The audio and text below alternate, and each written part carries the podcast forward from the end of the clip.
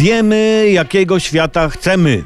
Zdrowszego, bezpieczniejszego, bardziej zrównoważonego, sprawiedliwego, gdzie przyroda rozkwita, gdzie społeczeństwa są zdrowe i jest ogrom możliwości. Tak zaczyna się jeden z materiałów filmowych e, przedstawionych na tegorocznym szczycie klimatycznym. No brzmi trochę jak streszczenie manifestu komunistycznego Marksa, ale fajny świat by nam się w zasadzie przydał, czyż nie?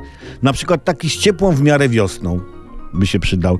Nie wiem, czy poruszano na szczycie problem tegorocznej wiosny w Polsce, więc może nadróbmy to przeoczenie, bo w najbliższych dniach, to czytamy w prognozach, temperatura może spaść lokalnie przy gruncie do minus siedmiu. Może padać deszcz ze śniegiem. Oj, kurczę. Pobuzowałoby się hormonami, pomachało fremonami, feromonami. Chciałoby się dać upust cioci Huci, a tu loduwa. Loduwa. Dlatego, dlaczego zatem ta wymarzona, prawdziwa wiosna się spóźnia? Bo jest zimno. Hu, hu, ha, nasza wiosna zł- zła, chciałoby się powiedzieć za poetką konopnicką. I ja wam mówię, jak tylko się zrobi cieplej, to wiosna do nas przyjdzie.